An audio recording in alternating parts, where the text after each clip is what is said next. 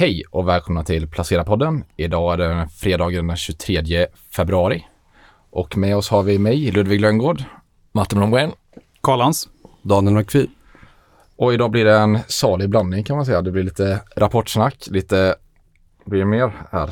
Det blir ja, lite kapitalmarknadsdag ja. kan jag avlägga en rapport från. Wave där, ja. Och lite surdegar kan man lite säga Lite stora försäkringsbolag. Ja, men vart ska vi börja då? Ska vi börja med lite rapporter? kan vi göra. Ja, jag har faktiskt tittat på lite rapporter eh, som kommit. Det har kommit lite mindre bolag den här veckan eh, och jag har nog i och för sig inte varit med på två veckor så nu vet jag knappt vilken vecka som är vilken. Men eh, jag har tittat lite på eh, bland annat, vi hade Encon där i fredags där resultatet är 85% Aktien är fortfarande värderad till P50 på nästa år. Men eh, tittar man på, jag tog fram en lista. Har de börjat med halvledarchips till AI eller? Inte ännu, men det är kanske de borde göra. Det finns mycket AI att göra inom just eh, vad heter det, grävmaskinsbranschen. Gräv, ja. Jag tänkte på värderingen som kanske mer påminner om ett AI-bolag än ett grävmaskinstillbehörsbolag. Det är väl dyrare än så till och med. Ja. Jag tror chiptillverkarna är ännu billigare. Men, I alla fall eh, Taiwan Semiconductor är inte så dyra. Nej. nej. Nu störde jag din grävmaskinshistoria här. Ja, men... nej men det var inte så noga heller på så här. Men de, eh, ja, jag har tittat på flera rapporter egentligen från industribolagen, det är 13 stycken. Och det som man, eller jag tar med mig i alla fall, det är att orderingången viker ganska kraftigt i vissa bolag, framförallt under slutet av året som man ser. Så att jag har jämfört den organiska förändringen helåret 2023 mot Q4 2023. Då. Och de som sticker ut där det är Encon, där orderingången i Q4 är ner 25% 14% i NCAB som är mönsterkortstillverkaren. Men det är också negativ organisk orderingång på helåret på Encon på 27 procent till exempel. Så det är nästan en tredjedel ner där. Och NCAB eller NCAB ner 22 procent. Eh, så att generellt så är det så orderingången går ner. Det är ju delvis lagerkorrigeringar från tidigare pandemiproblem. Men man ser också hur de jag tycker ändå man ser ganska mycket i vd-orden nu att de pratar om att efterfrågan har försvagats under slutet av året i de här lite mer mm. industribolagen. Det som är, tycker jag, fascinerande när man tittar på de här lite större bolagen, ABB, Alfa, Atlas till exempel. Tittar man på vinsttillväxten för 2023, det är fortfarande vissa av dem som växer 50% på vinsten. Så att många av de här lite större bolagen, jag vet att ni pratade lite om storbolagen förra veckan, men att de håller emot ganska mm, mm. bra trots att det är rätt flat på vissa delar så intäkterna, jag tror Atlas intäkter var väl upp 20% titta på dig Martin. Men eh, organiskt, eller intäkterna upp 14% organiskt tror jag. Eh, så att eh, de här storbolagen har gått väldigt bra men de förtjänar ju uppenbarligen det för att de mm. växer väldigt, väldigt starkt. Och de handlas på all time high nu också. Exakt. Atlas Copco till exempel. Mm. Ja, nej så att värderingarna, eftersom att de växt vinsten mycket så ligger värderingarna fortfarande ganska högt. Liksom det vill säga att dels aktien går bra men eller vinsterna har följt med. Så att hittills har det varit ganska motiverat men om det är så att det börjar bli lite surare så kan man ju se. De här vinsttillväxterna är ju också dopade av valuta, mm. kan man ju säga. Jag tycker att av den listan du har där så är väl Munters ser mest intressant ut eller? Ja exakt, deras ordning i Q4, de fick ju två stora order i Nordamerika. Martin, det här är väl något form av ditt bolag får man säga de har en jättestor orderbok från 2022 så tittar man på den organiska förändringen på helåret i orderingången så är den ner 25% ungefär. Vilket inte är så dramatiskt om man tittar på vad det faktiskt är. De växte i vinsten 35% i år och det är också det bolaget som förväntas nästan dubbla vinsten i detta år. Så att de handlas i multipel på 40 gånger vinsten men det blir 20 nästan mm. i år för att de väntas växa mycket. Så att generellt kan man säga att storbolagen går bra. De mindre bolagen som i det här fallet då är lite mer konjunkturnära, typ OEM International, de hade faktiskt negativ organisk tillväxt, alltså det vill säga inte i orderingången utan i försäljningen och det var första gången de rapporterade på sedan 2013. Okay. Så att, och de upplever också att det är problem. Mm. Det är ju, de är ju sådana här industrikomponentshandlare. Så att, eh, Fast de gick upp kraftigt ändå va? På rapporten. Det gjorde de säkert. Jag tycker det tar jag verkligen med mig från den här veckan. Det är flera bolag som har, om vi tar Encon till exempel, öppnade ner 20%. Stängde väl ner ett par procent. Jag tror att den handlades på 60 kronor där ett tag och är på 75 Eh, Lumen Radio som är ett, inte ett industribolag på något sätt utan jobbar med ett teknik inom film. Eh, de hade också en rätt svag rapport och handlades ner 20% men handlades ändå, stängde tror jag flat, också nästan.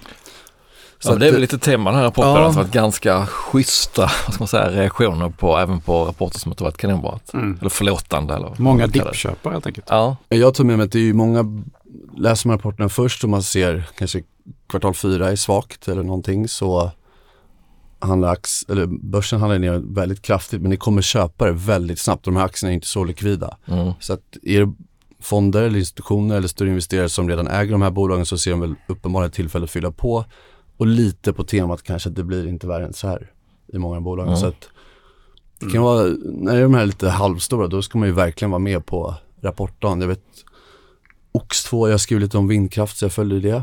Den eh, han var ju på 35 kronor. Eh, eller den handlades ner 20% i inledande handeln och jag såg igår i alla fall att den var uppe runt Mm. 50 kronor igen. Så att där har gjort 50% på två dagar om man har varit med där. Eh, så att det går, ja, otroliga slag alltså. Det är en bra tradingmarknad med andra ord Ja. också. Mm.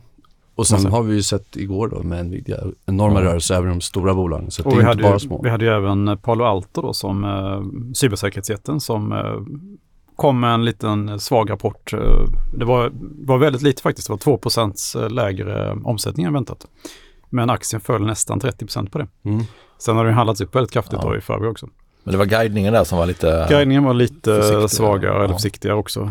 Eh, så att, eh, och sen var det då det som framförallt drog ner det var att eh, eh, offentlig då, eh, de offentliga kunderna var Ja. lite försiktigare helt enkelt. Eh, så att, eh, men, eh, Och det drog väl med sig hela sektorn? och det drog med sig hela sek- Ja. cybersäkerhetssektorn ner då, som ju har gått extremt bra får man säga, sista halvåret här. Så att, eh, Ja, de är lite, till un, lite. lite. undantag egentligen då, att det smäller till så mycket neråt i, en- i en ganska då förlåtande reaktioner. Ja, det är kraftigare och med, som du var inne på Karl, så många av de här aktierna om man tittar på industribolagen, de handlas ju kring all time high med Mm. bra vinster. Så att, eh, jag, jag tror inte att det behöver, när det är så dåliga aktier, men jag tror att om man äger de här ska man vara väl förberedd på att 2024 kan bli svagare, vilket man också länge har sagt att det Mm. blir sämre. Men det är höga multiplar och många pratar om lite svagare efterfrågan Mm. och vill man äga dem så kanske man ska hålla sig mer mot de Mm. stora bolagen. Men jag tänker även så här, Investor handlas på all time high. Mm. Du har Lifco på all time high. Det är liksom, det är väldigt håsigt Ja. på vissa sina håll där ute tycker jag. Volvo nyligen också på all time high. Till och med någon krona under nu men många. Björn Borg som jag tittar på idag. Inte Ja. riktigt time high för de var ju skyhögt uppe för, i- före finanskrisen hade de en jättebra period också men eh, den är också, jag har inte, jag tittat lite grann på den men jag ska väl återkomma med lite mer djup i det men också ganska förlåtande reaktion på eh, omsättningen var i princip stillastående. Eh, däremot så växer då deras e-handel väldigt bra och sportkläder växer bra. Två viktiga ben liksom i deras strategi. Och vinsten ökade ganska kraftigt också. Eh, men man hade ju kunnat tänka sig att i ett surt marknadsklimat så hade många tänkt att ja, men tillväxten planar ut, eh, vi blir lite rädda. Men här lyfter man aktien på att, på att marginalen stiger och att rätt område i tillväxten driver på. Så att den var väl uppe en 8-9 procent här på morgonen innan vi gick in i studion. Hur stor del är egentligen kalsonger idag av Björn Borg? Eh, alltså men underkläder är fortfarande den största delen. Mm. Men sen är ju då sportkläder det som de vill växa inom. Mm. Eh, jag har inte andelarna i, i huvudet men underkläder är fortfarande liksom, det är basen och Mm, den är är ganska stabil. Ja, precis. Men de, de siktar ju på att bli ett eh, bolag med mer bredd då och då är det sportkläderna som ska driva det. Sportkläder och att man flyttar då mer verksamhet till egen e-handel istället för att man säljer via butiker och eh, retailers. Eh, och det är bättre lönsamhet i den egna e-handeln. Så det är det som gör att marginalen piggar upp här och hamnar på 11,5 på helåret 2023. Eh, Men som sagt, jag har bara fluktat på den. Jag ska stoppa ner näsan i kalsonglådan under eftermiddagen. Men du har ju verkligen grottat ner i New Wave som var på, det var på kapitalmarknadsdag, apropå marginaler, där sa du 11 procent. De Ja. siktar på 20. Siktar på 20 nu precis. De har haft ett marginalmål på 15 procent om man bara ska ge liksom bakgrunden väldigt länge. De har inte varit i närheten av det, legat snarare kring 7-8 procent i ja, 10 år kanske. Eh, men plötsligt för tre år sedan då under pandemin så, så lyckades de komma upp till omkring 15 och lite över faktiskt. Eh, och då tänkte väl många att det här är säkert bara tillfälligt, men de har legat där i tre år nu och på kapitalmarknadsdagen i veckan så höjde då Torsten Jansson, vdn, marginalmålet till 20 Så ganska offensivt. Det Eh, är väldigt högt. Ja. Ja, väldigt högt. Och jag tycker väl att det, dels är det en signal om att det här 15 marginalmålet inte, inte är, att man har bevisat att det, det är liksom en, en botten nu snarare än något man siktar mot. Eh, och sen så säger de ganska tydligt att vi har jättemånga områden som redan ligger över 20% Vi har eh, mycket automatiseringsplaner för där man plockar då deras, eh, det är mycket profilkläder och sådär där man eh, automatplockar på lagren istället för att man gör det manuellt så att de, de vet hur de ska kunna höja marginalen när de inte är på 20% längre. Och de har mycket så här teamwear och säljer till stora idrottsklubbar och, och sådär. Så att det låter ändå trovärdigt tycker jag. Och de har inte minst då Craft, eh, varumärket som ju går urbra. Som lanserar nya skor och som, eh, ja, massa sport, sportkläder där också, precis som Björn Borg. Eh, så att jag tycker nog att man kan på sikt se det här som ett trovärdigt mål. Sen kommer de inte komma dit på ett eller två år tror jag, men det räcker ju att de börjar klättra lite ditåt och att aktiemarknaden börjar tro på det här målet. Eller tro att de närmar sig för att värderingen ska se väldigt billig ut. Har du en uppfattning om just att förändringen i storlek, hur mycket det har gjort? Men det är ändå en permanent förändring om affären går ungefär lika som idag och växer lite grann. Hur mycket hjälper det? Men en storlek på uh, Bolaget. bolaget. På marginalsidan? Jo men det är ju en del att man att få liksom stordriftsfördelar i, eh, i allt de gör egentligen och då lönar det sig att investera i sådana här stora automatiserade lager också, att man kanske dubblar kapaciteten. Kan man säga då fylla upp den med att man, när man växer så blir, ju, blir det otroligt bra effekt på lönsamheten. Mm. Så att väldigt spännande och eh, ja, men Craft ska driva det och så köpte de där Tenson för en krona tror jag. Eh, ett gammalt klassiskt varumärke som många känner till men som de som har haft det tufft men som de ska då pumpa liv i, i tanken och det kommer inte heller gå på ett eller två år men när det tar fart så kan det förhoppningsvis bli en ny eh, Craft-resa då. ja, precis. Det var ju så de gjorde med Craft också. Ja, de, precis. De köpte Craft en gång i tiden också för en krona tror jag som var liksom Mm. eh, konkursmässigt. Hur går Kosta då? Kosta är ju, eh, det är ju mer som en kompletterande verksamhet kan man säga. Det är mer som så här landsortsstöd skulle jag säga. Ja, det, det skulle man kunna tro. Eh, Och det är nog många som trodde det när, när de tog över det. Men, men de har ju visat att de dels kan få lönsamhet i det och dels att det då kan komplettera de andra verksamheten. Att man kan vara en helhetsleverantör om man får in en klubb. De har till exempel Hammarby, IFK Göteborg som eh, klubbar där de säljer in då, eh, tröjor och annat. Men då kan de också gå in och säga vi kan ta hand om eh, matchtröjor, tröjor till alla ungdomar som, som spelar och tränar i den här klubben. Men vi kan också ta hand om all sån här merch i shoppen. Och då är det ölglas med klubbmärke på och så vidare. Och där kommer ju de här grejerna in då som ett komplement som eh, så att det är inte bara lant, lantbruksstöd eller Nej, eh, landsortsstöd utan Och eh, aktien den gick väl ganska bra bara på att när de presenterade nya målen och jag antar att aktien är, var ju relativt billig innan och Ja. når de marginalmålet så måste det vara superbilligt några år ut. Men om man eh, säger att den hamnar någonstans mitt emellan eller vart, vart ligger värderingen idag? Ja, men jag skissade på en marginal på 17 till 18 procent. De ligger där på 17 knappt nu. Eh, Men bara de lyfter till 17-18 procent plus att man växer, behöver inte växa speciellt snabbt, inte alls i linje med målet på 10-20 procent. Så hamnar man ändå på ett P-tal på 12. Och om man tänker att börsen har 15 ungefär i snitt historiskt så kan man ju fråga sig varför ska New Wave ha lägre värdering än börsen som helhet om man har tillväxtmål på 10-20 procent och kan ha en marginal på 20 procent. Så att eh, det, det behöver liksom inte bli några ska man säga, några magiska multiplar på det här utan det räcker att de värderas som börsen för att det ska finnas en 20-25 procent kvar. Så att eh, ja, jag är fortsatt positiv. Jag tänker för varje år som de också bevisar att den här marginalen ligger högre så borde väl multipeln Ja. Men upp. det, För det är fortfarande lite, jag tänker väl ändå att tittar man på den här bilden du lägger upp där, det är Mm. ändå sju år av relativt låga marginaler och sen tre år som vi vet är präglade av massa externa faktorer så. Men för varje år efter pandemin som de bevisar det så kan man väl hoppas att det är en permanent förändring. Ja, men jag tror det, det, det var det som var tolkningen av det här höjda marginalmålet tror jag. Inte i första hand att nu är det 20% som gäller utan nu kan man se 15 som, okej nu, har vi- nu har de bevisat att den här lyftet från 8 till 15, 16, 17 är uh, uthålligt. Och bara det gör ju att aktien kan gå upp lite. Kul, Så ja, fortsatt positivt där från eh, min och Torstens sida. härligt. Ludde, du har ju tittat på aktier som har gått dåligt. Ja, det har jag gjort. Eh, Jag har ju satt upp en lista på vilka aktier som har varit svagast i år då. Och så bara på, vad blir det nu, snart två månader då. Kan ni veta, vet ni vilka som är den sämsta på, nu är det Stockholmsbörsen då, mid och large cap. Börsens sämsta aktie i år. Ja. Nej, Nej, den är lurig. Sämsta Viaplay i år. kanske. Ja, det stämmer. Vi har Viaplay, rätt. ja. ja. Om man eh, justerar från nyemissionen då som är nu så blir det inte den sämsta då, men då är det typ minus 45 procent. Men som det ser ut nu då i den här tabellen så är det minus 80 procent. Det är ganska brutalt. Är det på två månader? Det var Ja. en och en halv. Sen gick den, ska man tillägga att den gick jäkligt svagt under 2023 också. Jag tror den var ner 95 procent eller sånt där. Så det är inte för sent att sälja de här surdegarna. Nej. eh, sen har vi ju Intrum då. Eh, och de här nischbankerna Intrum och Resurs är också väldigt svaga. Minus 47 procent på Intrum och minus 40 procent på Resurs. Också gått svaga förra året, eller hur? Ja, Ja. så det är många liksom surdegar sen fjolåret som fortsatt är jäkligt svaga i år. Andra är liksom Garo också svagt, laddstolsbolaget, Embracer också ganska håsat innan. Ehm, Storskogen är väl också en sån som har också varit Ja, de åkte på en riktig kyss på sin rapport där. Ja, precis. Så stack väl han här eh, Kaplan också. Ja, vdn, som ja. vdn. Ehm, och Stack eller blev ombäddat sticka Ja. kanske. Ja, får, ve- ja, jag har inte riktigt koll på det. Så Bonava, Catena Media, Nobia, kökstillverkaren. Mm. Mm. Också emission där gått också. jäkligt svagt. SBB även här igen. Mm.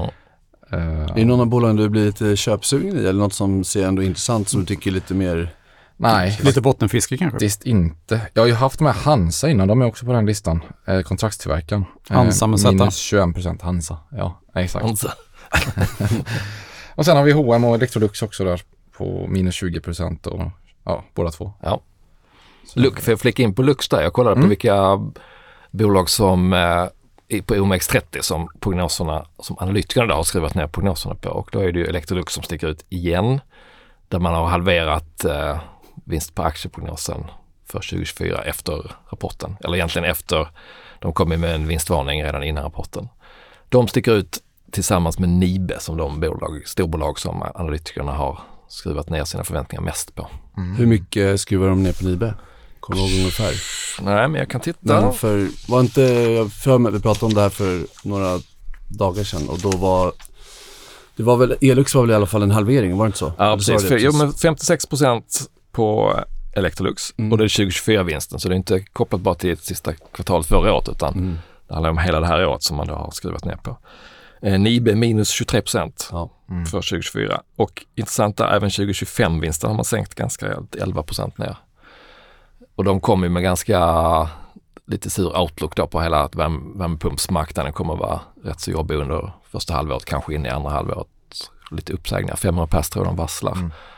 Så att den marknaden, eh, medan mycket annat tuggar på så verkar värmepumpssidan vara rätt så trög. Eller är de bara ärligast? Nej, det tror jag inte, för det är många andra som har pratat om det också.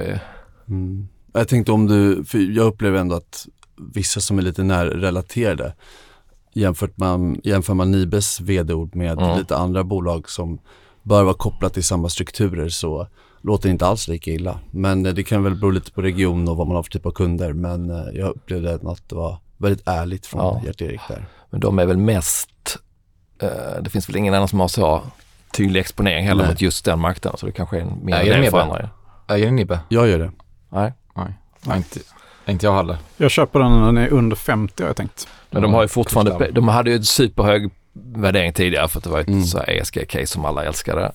Nu är P-talet ändå på 25 för det här året. Mm. Så att det är ju, med Nibe-mått börjar det bli lågt. Men det är ju inte, det är Nej. fortfarande som ett, ska man säga, ett premiumverkstadsbolag Ja, med värdering. Så. Verkligen. Ja. Men det finns ju den här jättelångsiktiga storyn såklart att hela Europa, alla ska byta ut sina gamla fossila uppvärmningar till värmepumpar. Och, eh, så det, det, jag tror att det kommer komma ett läge när man ska köpa den här men det kanske tror jag inte är riktigt än. Mm. Mm. Men jag, jag, jag har ju kollat på sådana annan ESG-vinnare. Tomra kanske det. ibland förknippas lite med Nibe som de här Mm. två Mm. duosarna som gick väldigt bra under 2021-2022 där.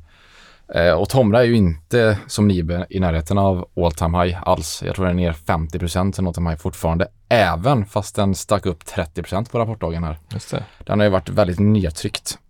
Om man ska sammanfatta lite fort bara så verksamheten rullar på ganska bra. Men det är ju det här food-segmentet. Jag vet inte om ni har koll på Tomra, men det är Jo, inte absolut. bara de här pantmaskin. Nej, det är ju det man tänker att det bara är, men de har ju även så här gruv, sådana som sorterar mineraler och Ja. sånt Diamanter är det ja, mycket. Diamanter, I Namibia lite och avfallssortering Botswana. och sånt där. Och sen är det det här Foods då, som är 25% av försäljningen. Där de har, jag vet inte om ni har sett de här maskinerna på YouTube när de sorterar tomater. Det Ja. går ju så jäkla fort. Ja, de är mäktiga med sensorer så kan de sortera vilka som är ruttna eller vad det är för kvalitet på dem. Ehm, men det här segmentet då, det går svagt. I Q4 här nu så minskar med 20 procent. Och det har varit svagt hela året egentligen. Och det är ju då makroekonomin och att det är svagare skördar då. Som har påverkat detta negativt. Vilket också varit det stora sorgebarnet kan man säga under hela året. Det har ju varit det som har tryckt ner aktien främst. Men annars rullar det mesta på. Eh, och aktien har ju kommit ner i värdering så det ser ju klart mer attraktivt nu än vad det gjorde för två år sedan. Och den stack iväg ordentligt på rapporten och även dagen efter. Var det inte Ja. runt 150 Jo, kronor nu eller Jo, någonting? den har Och den var studsat väl upp under rejält. 100-lappen. Exakt. Så ja, jag tycker det här bolaget det är ändå intressant faktiskt. Sen förväntar man sig inte några större, eh, någon större återhämtning inom det här segmentet då. Eh, men det andra tycker jag liksom på bra och det väldigt mycket som talar för att det här, de här segmenten som de är inne i kommer att gynnas av regulatorer och ja, EU och allt det här. Men man ska införa pantsystem. Det är också något som de snackar om här. Att, eh, Men det har de snackat om i typ tio år minst. Ja, men det ligger liksom att tugga på där 10% per år. Sen kanske inte den va- var värd en värdering på P50 eller 60. Jag tror det var till och med uppe på P80 ett tag. Mm. Så Vad det var ligger det på nu ju ungefär? Då? PE för innevarande år ligger på 33 nu då. EV bita på 22. Efter uppgången här ju. Yes. Det är fortfarande ganska dyrt då. Ja, så det är fortfarande inte billigt men det är ju klart mer intressant nu än vad det var innan. Mm. Eh, så jag har ju inte satt någon rekommendation på detta då, så det är väl en avvakta svagt, lite Mm. positiv. Har ni testat de här nya pantbooks eh, där man bara häller in hela skiten i ett stor liksom eh, Ja, käft som bara tuggar ner allting. Ja. Man slipper stå och ja stoppa jag in vet, så hela jäkla in. skönt. Så slipper man bli kladdig också Ja, precis. händerna. Jättebra. Det är nästan som man blir sugen på att gå ut och samla pantburkar bara för att få kasta in dem i den där. Att? Ja, det? på stan här, liksom. Hade det inte varit lönefredag då hade jag varit ute hela helgen. Men vet ni hur många pantburkar som går inom de här maskinerna då, per år? Nej, Fem måste triljarder. revidera estimaten nu när Martin fem har berättat det här. 5 triljarder. 46 miljarder. Herregud. Men det är ju en rätt fin affärsmodell de har, pantar med där. De tjänar väl förmodligen på något sätt mer pengar om man inte pantar eftersom man ändå betalar en, en krona för när man köper Mm. burken eller Så är det ju. Så är det. ju. petflaskan. Sen har jag börjat med den här affärsmodellen att man, man sätter in ett pantsystem liksom i en butik och så tar de en avgift per pantad burk. Mm. Så de får lite mer stabila intäktsströmmar. Det är Mm. också ganska intressant. Men eh, jag vet ju också att du kollade på SUS apropå rapportreaktioner, det sa du. Mm. Men eh, hur ser det ut då? Jag som också är aktieägare. Ja, eh, SUS gick ju ner ganska kraftigt där som vi sa. Surgical 23%. Science Exakt, som jobbar inom robotkirurgi då främst eh, och även här simulatorerna då till sjukhus, eh, universitetssjukhus eh, och där kan man väl säga att det var lite blandat.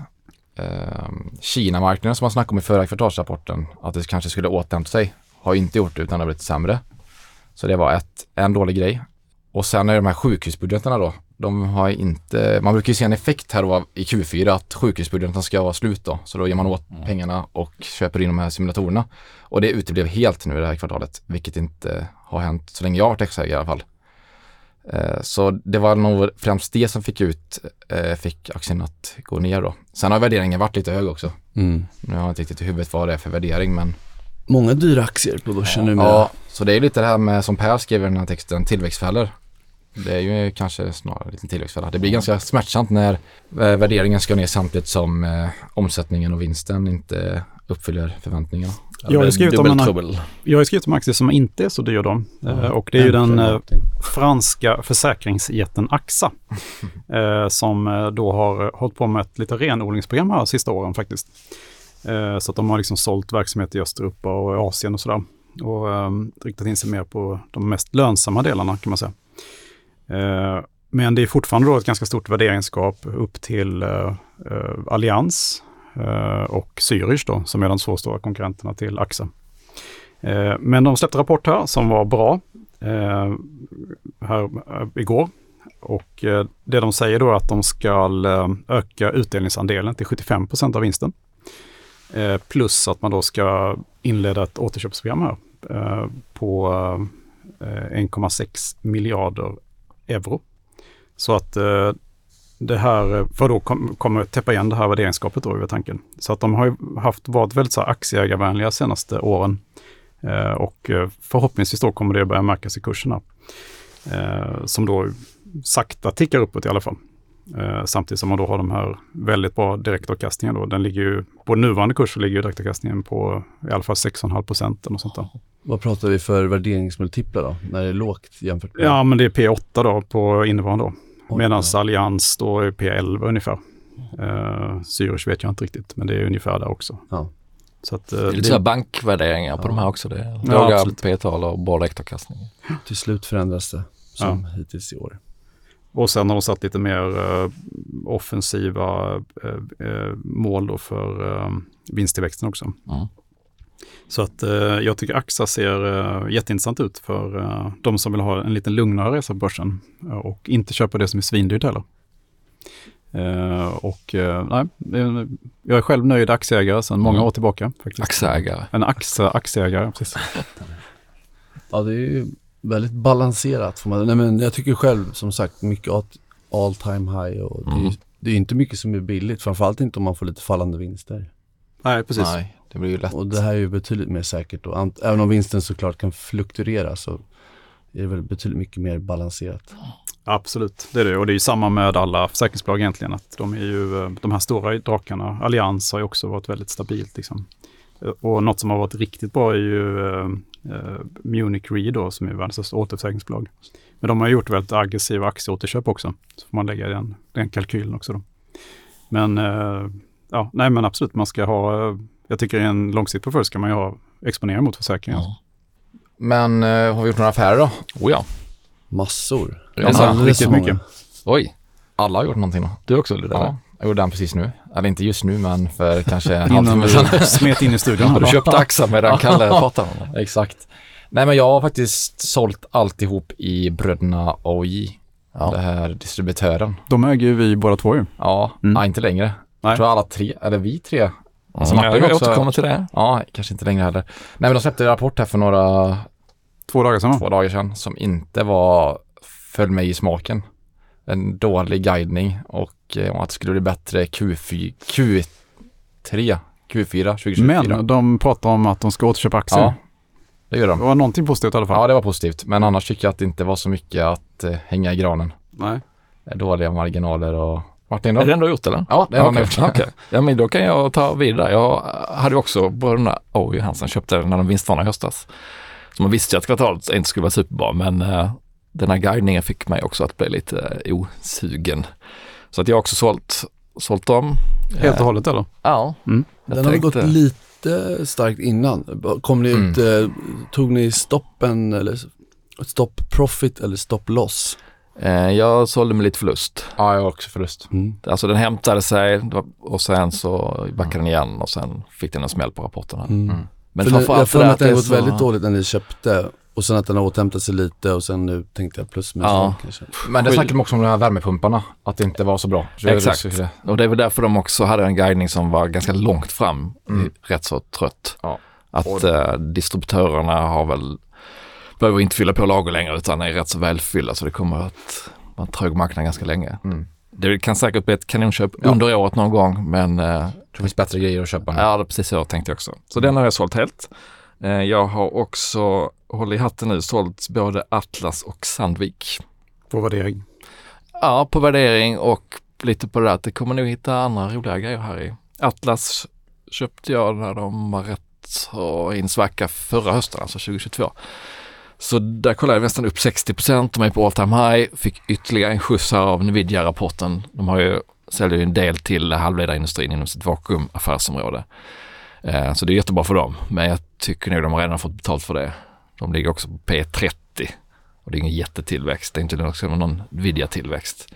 Så att eh, kommer jättegärna tillbaka någon gång när hela börsen är ner. Men just nu eh, så sålde jag mitt sista, sista delen av det innehavet där. Du är välkommen tillbaks. Tack. Och Sandvik är lite samma att, eh, ja men de är inte på all time high men de är ganska där uppe och eh, ser väl inte riktigt att det ska skjuta fart under det här året utan snarare gå sidledes. De är ganska mycket lägre värderat än, det är väl nästan halverad värdering fast högt för att vara Sandvik. Exakt, det finns precis. Det är ju det som är en av, ska man säga, caset i Sandvik då, att de skulle komma ikapp de andra. Men det är ändå P17, 18 och eh, ja, gruvsidan går bra men kanske inte samma tillväxt. Eh, och den andra industridelen kommer ju, även om det blir en mjuklandning så är det ju inte något lyft just nu utan man får redan betalt för att det ska lyfta 2025 kanske. Så att, eh, ja, jag backar undan lite där helt enkelt och så det var de tre jag har sålt och så då sitter jag på lite kassa, Hur mycket? 10% ungefär. Mm. Jag var fullinvesterad innan så att, eh, mm. Mm. Ja, jag har ju också sålt uh, AI då, som Ja, eh, alla andra har gjort Ja. också. Men jag, jag har sålt bara 25 procent av mitt innehav. Så att jag tänker ju att eh, det finns ju, det är fortfarande så att det är bra direktavkastning. Eh, Ja. Det finns en möjlig turnaround under året. Eh, plus att huvudägaren då är 80 plus, Ja, 85 ja, plus. Han är, Eh, och ska nog göra exit snart, sannolikt. Och Kan då kan vi få ett uppköp, på det. Ja. Och det verkar inte som att det är någon heller, någon generationsskifte där mellan, han har inga barn och sånt där som ska ta över, fattar Nej. jag det som. Så att, och Danmark är ju liksom det svåraste landet man kan etablera sig i. Mm. Så att det här är ett super eh, uppköp för någon, som, någon, någon extern som vill in i Danmark. Då. Så att jag behåller den. Eh, jag eh, köpte en rejäl stek i Palo Alto faktiskt eh, på rapportdagen här. Mhm. Jag brukar inte vara, men just Palo Alto gillar jag väldigt mycket. Och kände att jag vill rampa upp det. Du hade sen tidigare så du Jag har haft det sedan tidigare, absolut. Eh, Men, men jag har liksom inte, jag har velat öka det men inte kunnat komma in igen. Den har bara stuckit hela tiden. Så att nu har jag, har jag bra exponering mot Palo Alto igen. Eh, som kommer att bli jättebra. 2025 kommer att bli ett jättebra år då, även om det här året blir lite sämre än man trodde. Eh, och sen har jag då ökat i min tyska compounder som heter Indus Holding. Som är då, till skillnad från allt annat som är dyrt, så är det här billigt. Eh, P7 ungefär. De släppte ju vad man, en typ en omvänd vinstvarning eh, här i förrgår. Och där de också återköper 4 av eh, aktierna eh, på 23 euro då. Eh, så att eh, eh, den, eh, det, är då ett bolag som, som förvärvar inom small och midcap i, i Tyskland och de har gjort sig av med då, jag pratade om det i någon podd tror jag, men de har gjort sig av med sin fordonsdel då framförallt som var det som har lagt en död hand på aktien. Men nu ser det, tycker jag, ser jättebra ut och de kan leverera då trots att den tyska ekonomin går så här dåligt. Så att jag, eh, det där är något som jag hoppas kunna äga länge. Det är ett, någon form av tysk lagerkrans kan man säga. Indus. Indus Alltså, Holding. Det är inte Idun, men det är Nej. likt Idun, Mm. men Indus. Ja, det låter Lite väldigt intressant. Mycket billigare. Lite mindre skuldsatt som du har lärt mig att tyska bolag är. Ja, fast det här är nog för att vara ett tyskt bolag är det ganska skuldsatt, men de Okej. har väldigt bra kassaflöden. Ja. Eh, Så att de räknar med att kunna göra mycket förvärv också och det är en bra direktavkastning också då, utöver att de gör det här stora återköpet. Så att, eh, och jag såg apropå försäkringsbolag, Protector Försäkring har gått in som tredje största ägare i Indus. De gjorde det i november. här.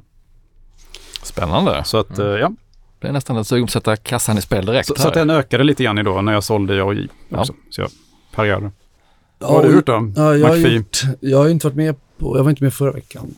Men det har varit en ovanligt aktiv eh, ja, veckor här, vilket har varit riktigt kul.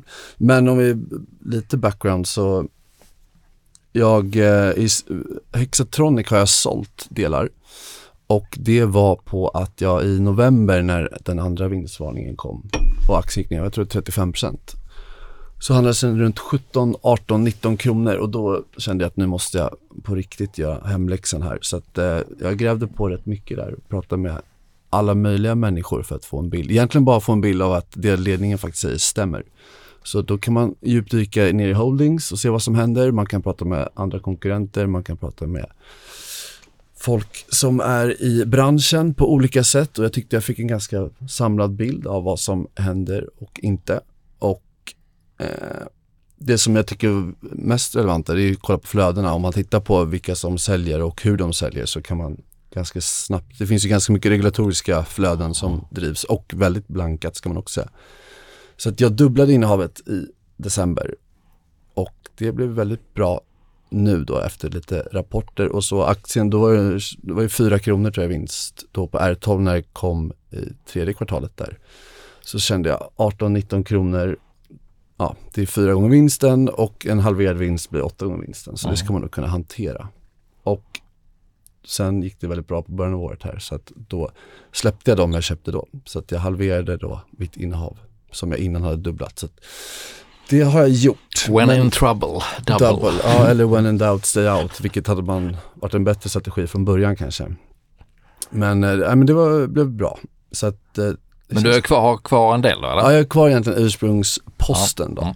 Så att eh, där kan man också ganska enkelt göra lite bara servettkalkyler på vad de kan tjäna nästa år och kanske 2025. Och se att det fortfarande ser ganska billigt ut. Men Mm. Ja, återigen, det här är ju saker som kan ta väldigt lång tid. Och man tror sig att de är mycket beroende av statliga finansierade projekt, vilket är såklart viktigt. Men pratar man lite mer om att lyssna lite mer kanske än man allt annars hinner. Så det är mycket alltså, privat kapital i marknaden, alltså P-bolag och så. Och de riskkalkylerna har ju förändrats väldigt mycket med tanke på ränteläget. Så att generellt fortfarande ganska trögt. USA, vissa delar går bra. Och ja, ligger de kvar på vinsten som i år så är det fortfarande, tycker jag då, ganska billigt. Samtidigt som nu när aktien, ja den har väl nästan, nästan dubblats sen sentimentet i november som var så, så negativt. Så, så värderas det ju ganska rimligt för en fibertillverkare kanske. Sen har de ju växt vinsten vad är det, fyra, fem gånger på fem år. Så att, Fiber är nyttigt.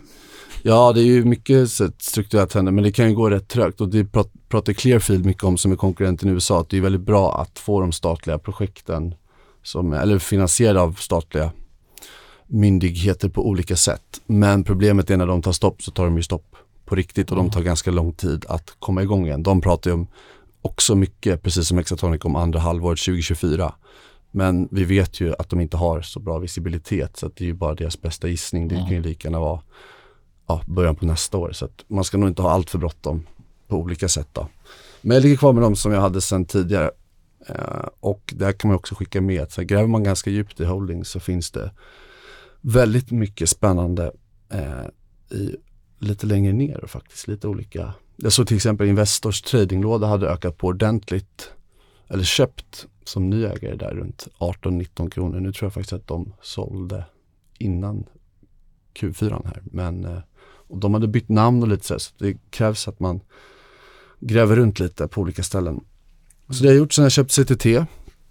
Mm. Luftfuktare. Exakt, de gick ju väldigt starkt på rapporten men jag valde att blunda och köpa ändå. Eh, Det räcker ju egentligen bara att gå in i rapporten och läsa första sidan så förstår man varför. Det är ju också en dyr aktie.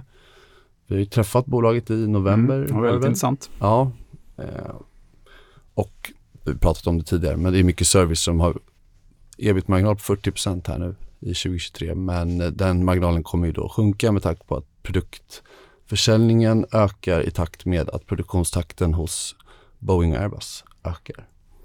Så att, eh, men det är ju väldigt långsiktigt case. Ägde, jag har också ökat lite i Encab som eh, också ner mycket på rapporten. Jag kom inte in så långt ner där. Men eh, haft två ganska tuffa år på makrosidan, också dyrt. Men jag gillar affärsmodellen, kapitalet och är ett långsiktigt spel. Och jag har nu äntligen fått köpa Rugvista och Lyko och gjort det. Och Rugvista gick ner ganska mycket i rapporten. Tunn handel men växer organiskt. Nettokassan ökar och jag gillar också affären. Inte billigt men runt 17 gånger vinsten på rullande 12 månader som kan öka nästa år Man, hoppas man jag. skulle kunna säga att aktien har hållit sig på mattan hittills i år i alla fall. Den är ner 18 procent. Ja exakt. Flygande Så att, mattan. eh, får man köpa billigare. Mm. Och jag har också köpt Arise. Som Right. vi pratade om för några veckor sedan så det behöver inte gå in så mycket djupare på. Men kom med en bra rapport. Vilken Ja. in, inköpsrunda du har gjort. Ja, verkligen. Nu är det här ganska små. Det, jag skulle nog ändå kategorisera det här till eh, bevakningspostlistan. eh, om vi pratar Rugvista, Lyko och Arise. Men det är någonting jag verkligen vill ha koll på. Hög Och- aktivitet. Ja. Och sålt lite Norion kan jag säga. Som har likt, olikt nischbank, övriga nischbanker gått väldigt bra. Mm. Så det har jag gjort. Mm. Så att, det- nu behöver jag inte göra så mycket mer. Nej, säga. nu bara inväntas års, årsskiftet här. ja, på måndag kanske det redan blir dags igen. Vi får se. Månadsskiftet i alla fall. Ja, Men nu är jag i alla fall fullinvesterad kan Ja. vi säga. Mm. Mm. Men ska vi säga så då? Yes. Ja, det gör vi. Jag är ute och letar burkar i helgen. Ja, just det. in och panta. Öka kassan. Panta mera.